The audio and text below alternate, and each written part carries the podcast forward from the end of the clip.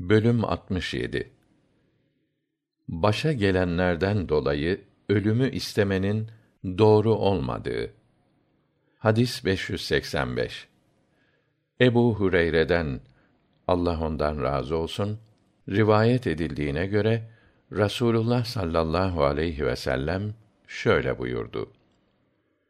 Sizden hiçbiriniz ölümü istemesin. Bu kimse iyilerden ise belki daha çok hayır ve iyilik yapar.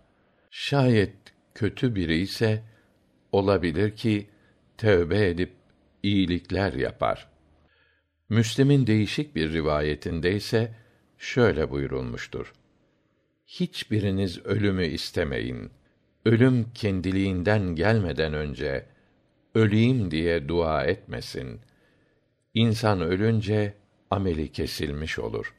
Gerçek şu ki mümine ömrünün uzun oluşu, hayatta kalması iyiliklerini çoğaltır. Hadis 586 Enes'ten Allah ondan razı olsun rivayet edildiğine göre Rasulullah sallallahu aleyhi ve sellem şöyle buyurdu. Başa gelen bir sıkıntı sebebiyle hiçbiriniz ölmeyi istemesin.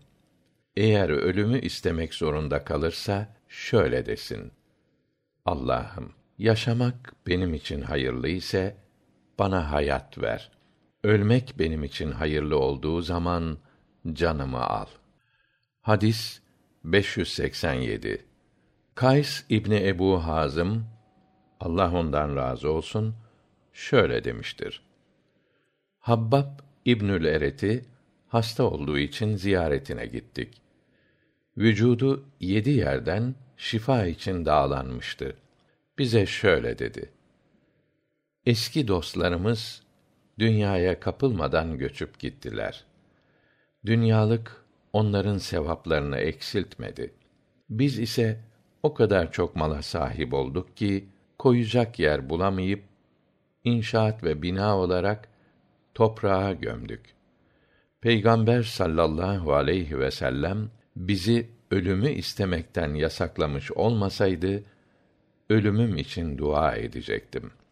Başka bir zaman Habbab'ın yanına gittiğimizde duvar örüyordu. Bize şunları söyledi. Müslüman şu toprağa ihtiyaç dışında yapılan evler, binalar harcadığından başka harcadığı her şeyden ecir alır, sevap kazanır.